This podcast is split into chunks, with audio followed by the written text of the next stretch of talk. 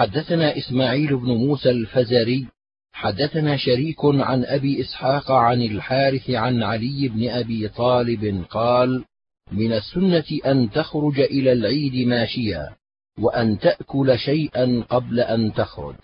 قال أبو عيسى هذا حديث حسن والعمل على هذا الحديث عند أكثر أهل العلم يستحبون أن يخرج الرجل إلى العيد ماشيا وأن يأكل شيئا قبل أن يخرج لصلاة الفطر. قال أبو عيسى ويستحب أن لا يركب إلا من عذر. حدثنا محمد بن المثنى حدثنا أبو أسامة عن عبيد الله وابن عمر بن حفص بن عاصم بن عمر بن الخطاب عن نافع عن ابن عمر قال كان رسول الله صلى الله عليه وسلم وأبو بكر وعمر يصلون في العيدين قبل الخطبة ثم يخطبون. قال وفي الباب عن جابر وابن عباس. قال أبو عيسى حديث ابن عمر حديث حسن صحيح والعمل على هذا عند أهل العلم من أصحاب النبي صلى الله عليه وسلم وغيرهم أن صلاة العيدين قبل الخطبة.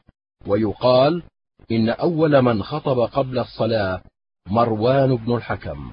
حدثنا قتيبة حدثنا أبو الأحوص عن سماك بن حرب عن جابر بن سمرة قال صليت مع النبي صلى الله عليه وسلم العيدين غير مرة ولا مرتين بغير أذان ولا إقامة. قال وفي الباب عن جابر بن عبد الله وابن عباس. قال أبو عيسى وحديث جابر بن سمرة حديث حسن صحيح. والعمل عليه عند أهل العلم من أصحاب النبي صلى الله عليه وسلم وغيرهم أنه لا يؤذن لصلاة العيدين ولا لشيء من النوافل. حدثنا قتيبة حدثنا أبو عوانة عن إبراهيم بن محمد بن المنتشر عن أبيه عن حبيب بن سالم عن النعمان بن بشير قال كان النبي صلى الله عليه وسلم يقرأ في العيدين وفي الجمعة بسبح اسم ربك الأعلى وهل أتاك حديث الغاشية؟ وربما اجتمعا في يوم واحد فيقرأ بهما. قال وفي الباب عن أبي واقد وسمرة بن جندب وابن عباس. قال أبو عيسى حديث النعمان بن بشير حديث حسن صحيح. وهكذا روى سفيان الثوري ومسعر عن إبراهيم بن محمد بن المنتشر نحو حديث أبي عوانة. وأما سفيان بن عيينة فيختلف عليه في الرواية. يروى عنه عن إبراهيم بن محمد بن المنتشر عن أبيه عن حبيب بن سالم عن أبيه عن النعمان بن بشير. ولا نعرف لحبيب بن سالم رواية عن أبيه. وحبيب بن سالم هو مولى النعمان بن بشير وروى عن النعمان بن بشير أحاديث وقد روي عن ابن عيينة عن إبراهيم بن محمد بن المنتشر نحو رواية هؤلاء وروي عن النبي صلى الله عليه وسلم أنه كان يقرأ في صلاة العيدين بقاف واقتربت الساعة وبه يقول الشافعي حدثنا إسحاق بن موسى الأنصاري حدثنا معن بن عيسى حدثنا مالك بن أنس. عن ضمرة بن سعيد المازني عن عبيد الله بن عبد الله بن عتبة أن عمر بن الخطاب سأل أبا واقد الليثي ما كان رسول الله صلى الله عليه وسلم يقرأ به في الفطر والأضحى. قال كان يقرأ بقاف والقرآن المجيد واقتربت الساعة وانشق القمر. قال أبو عيسى هذا حديث حسن صحيح. حدثنا هناد حدثنا سفيان بن عيينة عن ضمرة بن سعيد بهذا الإسناد نحوه. قال أبو عيسى وأبو واقد الليثي اسمه الحارث بن عوف. حدثنا مسلم بن عمرو وأبو عمرو الحذاء المديني. حدثنا عبد الله بن نافع الصائغ عن كثير بن عبد الله عن أبيه عن جده أن النبي صلى الله عليه وسلم كبر في العيدين في الأولى سبعا قبل القراءة وفي الآخرة خمسا قبل القراءة. قال وفي الباب عن عائشة وابن عمر وعبد الله بن عمرو. قال أبو عيسى حديث جد كثير حديث حسن وهو أحسن شيء روي في هذا الباب عن النبي عليه السلام واسمه عمرو بن عوف المزني. والعمل على هذا عند بعض أهل العلم من أصحاب النبي صلى الله عليه وسلم وغيرهم. وهكذا روي عن أبي هريرة أنه صلى بالمدينة نحو هذه الصلاة وهو قول أهل المدينة. وبه يقول مالك بن أنس والشافعي وأحمد وإسحاق. وروي عن عبد الله بن مسعود أنه قال في التكبير في العيدين تسع تكبيرات في الركعة الأولى خمسا قبل القراءة وفي الركعة الثانية يبدأ بالقراءة ثم يكبر أربعا مع تكبيرة الركوع. وقد روي عن غير واحد من أصحاب النبي صلى الله عليه وسلم نحو هذا وهو قول أهل الكوفة وبه يقول سفيان الثوري حدثنا محمود بن غيلان حدثنا أبو داود الطيالسي قال أنبأنا شعبة عن عدي بن ثابت قال سمعت سعيد بن جبير يحدث عن ابن عباس أن النبي صلى الله عليه وسلم خرج يوم الفطر فصلى ركعتين ثم لم يصل قبلها ولا بعدها. قال وفي الباب عن عبد الله بن عمر وعبد الله بن عمرو وأبي سعيد.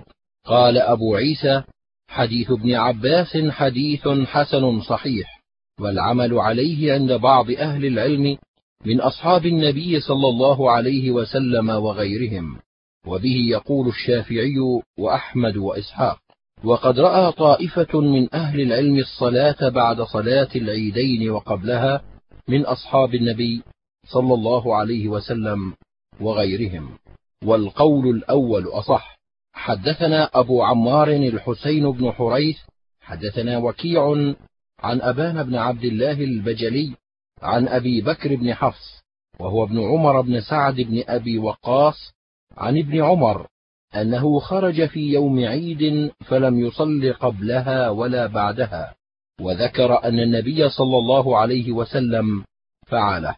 قال أبو عيسى وهذا حديث حسن صحيح.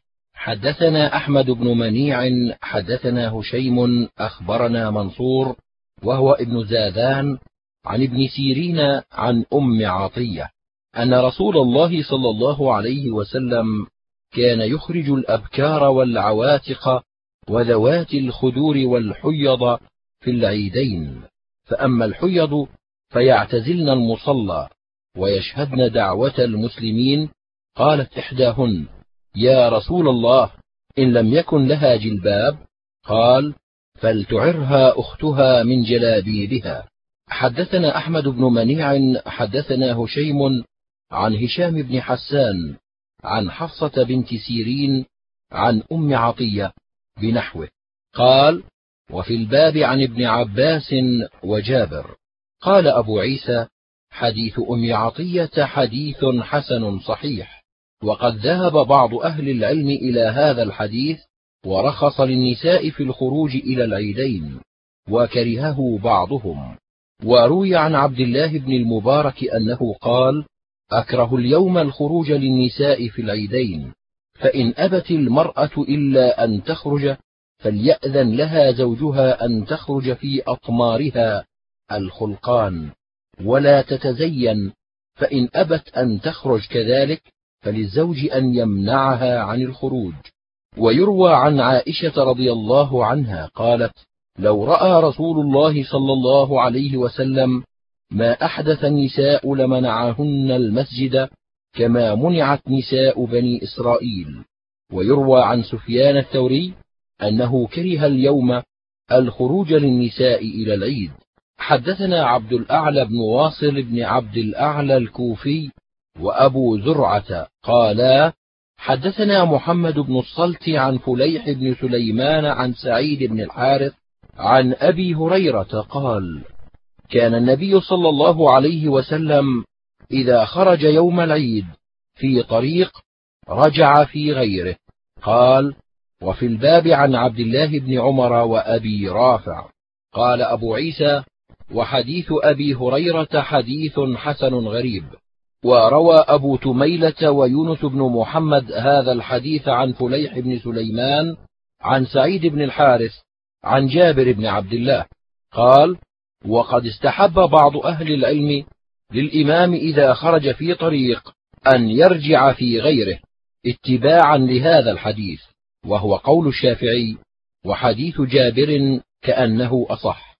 حدثنا الحسن بن الصباح البزار البغدادي حدثنا عبد الصمد بن عبد الوارث عن ثواب بن عتبة عن عبد الله بن بريدة عن أبيه قال كان النبي صلى الله عليه وسلم لا يخرج يوم الفطر حتى يطعم ولا يطعم يوم الأضحى حتى يصلي.